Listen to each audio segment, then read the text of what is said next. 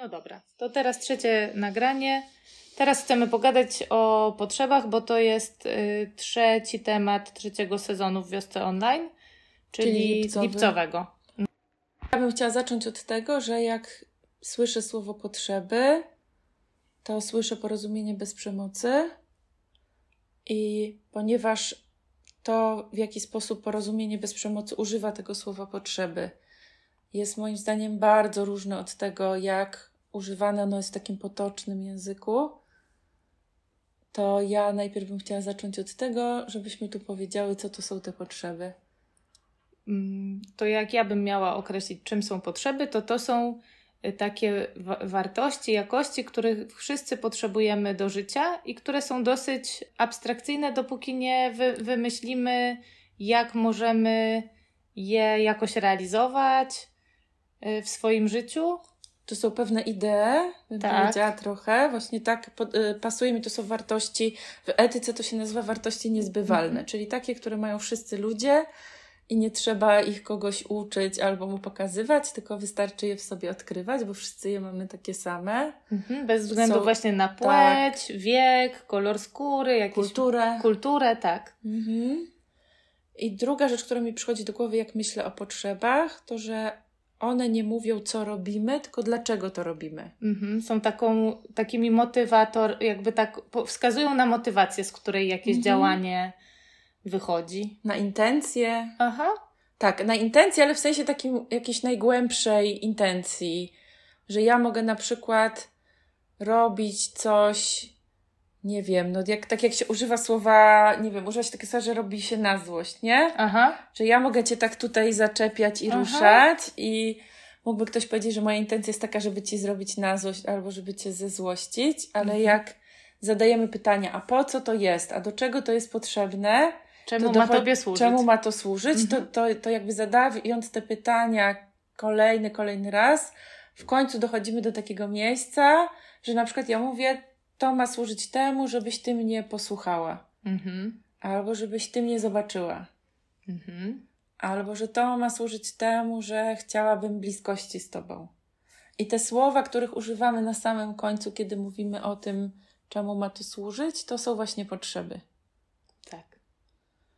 Chcę się spytać Ciebie, jak używasz tego konstruktu potrzeb i tego jakoś tej, wiesz, tego, tej idei potrzeb, jak tego używasz w swoim życiu?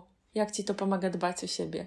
B- Bardzo mi to pomaga tak nawigować po w, w takich codziennych różnych sytuacjach i czasami jak się dzieją jakieś takie trudne dla mnie rzeczy, ale też nie tylko, nie? W, I w świętowaniu, i właśnie radzeniu y, sobie z jakimiś trudnościami, to jak ja staram się skierować moją uwagę na potrzeby, to nie nakręcam się takimi myślami, które właśnie gdzieś podpowiadają, że y, y, próbuje ci ten człowiek robi, na, robić na złość, manipuluje tobą. Mm, raczej idę do takiego źródła, w którym mogę zauważyć, o, to ten, o co ten człowiek stara się dla siebie zadbać. To mi jakoś zwiększa taki poziom bezpieczeństwa. Ja się jakoś bezpieczniej czuję w tej sytuacji i otwiera mi taką możliwość gadania o tym, yy, widzenia tego człowieka jakoś tak szerzej i nie tylko jakiegoś zostawania w swojej głowie ze swoimi myślami odnośnie tego, co tu się dzieje. To Ty teraz cały czas mówisz o takim pamiętaniu, że inni ludzie to, co robią, to za tym stoją ich potrzeby. Tak. Okej, ja myślę sobie, że jest jeszcze taki drugi kawałek, czyli za tym, że ja wszystko, co robię, to stoją potrzeby. Mhm. I mi bardzo też z porozumienia bez przemocy wspiera mnie taka myśl, że po pierwsze, za wszystkim, co ja robię, stoją moje potrzeby, ale po drugie, że ja e, w swoim życiu staram się, próbuję te potrzeby zaspokoić różnymi strategiami, najlepiej jak jestem w stanie, najlepiej jak potrafię i robię to najlepiej jak potrafię. Mhm. W związku z tym, jeśli napotykam na jakieś trudności, coś mi nie wychodzi, albo robię coś, co niekoniecznie jestem jakoś usatysfakcjonowana tym, jak mi to wyszło, to to pamiętanie o tym, że ja to robiłam po to, żeby zaspokoić swoje potrzeby i że zrobiłam to najlepiej, jak potrafię, pomaga mi puścić takie kawałki, które jakoś się wiążą wiesz, z jakimś takim poczuciem winy, z jakimś takim Mhm. rozdłubywaniem tego, co się stało. Jakimś biczowaniem jakimś się takim. biczowaniem Mhm. się, dowalaniem sobie i pomagają mi wejść w taką, e, jakby skierować moją uwagę na to, co ja mogę zrobić w tej sytuacji. Rzeczywiście, co mogę zrobić, żeby o siebie zadbać Mhm. jakoś niezależnie od tego, że tego, co już się stało, to już nie jestem w stanie zmienić. Aha. Czyli myślę sobie, że w ogóle ten koncept potrzeb pomaga mi w akceptowaniu rzeczywistości. Aha, w takim obsługiwaniu siebie, w takiej życzliwości dla siebie, widzenia siebie tak, wiesz, y, w pełni bym powiedziała. Z akceptacją, Z z, jakąś akceptacją. miłością, z życzliwością, ale myślę też o tym, że jak mówisz o tym, że pomaga w obsługiwaniu siebie, to też pomaga w obsługiwaniu siebie trochę w takim lokalizowaniu siebie, czyli w takim lokalizowaniu, o co mi chodzi, co, Tak. co mnie tam, wiesz, gdzie mnie spędzi. O co ja próbuję zadbać, za czym tęsknię, Mhm. czego pragnę, czego bym chciała więcej teraz. Tak, i to jest dla mnie takie, jak, jak myślę sobie o różnych takich sytuacjach, gdzie też rozmawiamy z ludźmi, jak to robić, żeby swoje jakieś pragnienia, marzenia i tak dalej re- realizować i Mhm. wprowadzać w życie. To są dwa takie przejścia, które ja widzę, że bardzo ludziom pomagają, jak, y, jak potrafią jakoś się przy nich zatrzymać. Pierwsze przejście to jest od tego, czego nie chcę, do tego, czego chcę. Aha, Nie? Czyli od skupienia na tym, co mi przeszkadza, do skupienia na tym, czego bym chciała. mhm. A drugie przejście to jest właśnie przejście od tego, czego chcę, do tego, czego potrzebuję.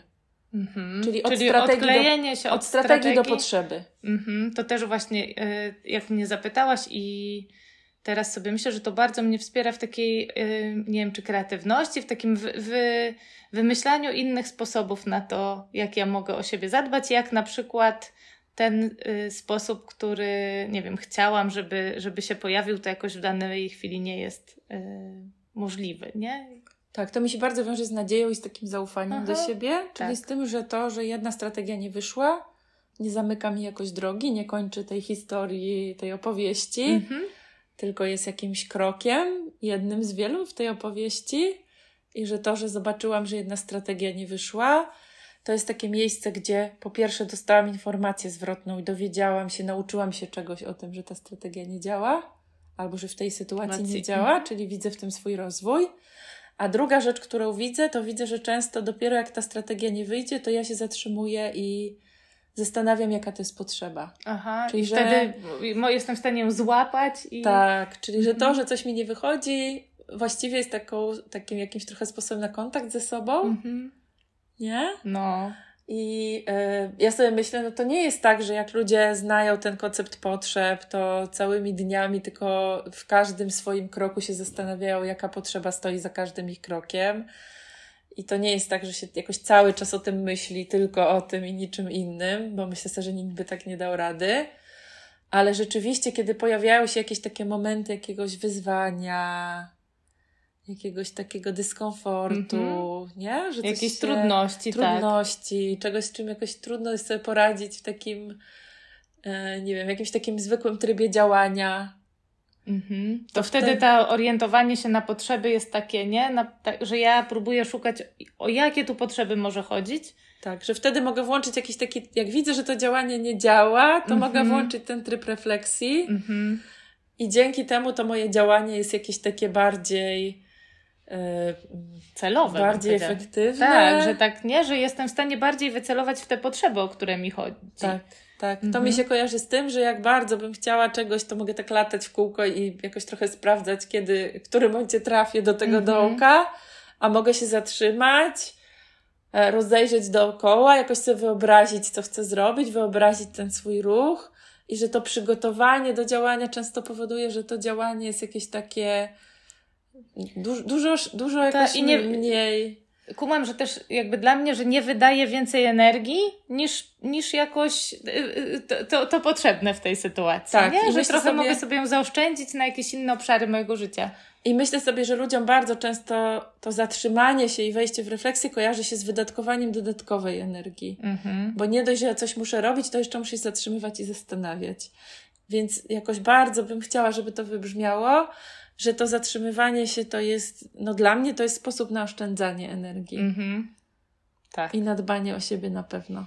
Też tak mam, chociaż wiem, że się tego potrzebowałam nauczyć, żeby to było po prostu łatwe i takie dostępne. Tak, że najwięcej energii się w to wkłada wtedy, kiedy się tego uczymy i zaczynamy mhm, to na robić. Na początku. Tak. Mm. Dzięki za tą rozmowę. Dzięki za rozmowę o potrzebach.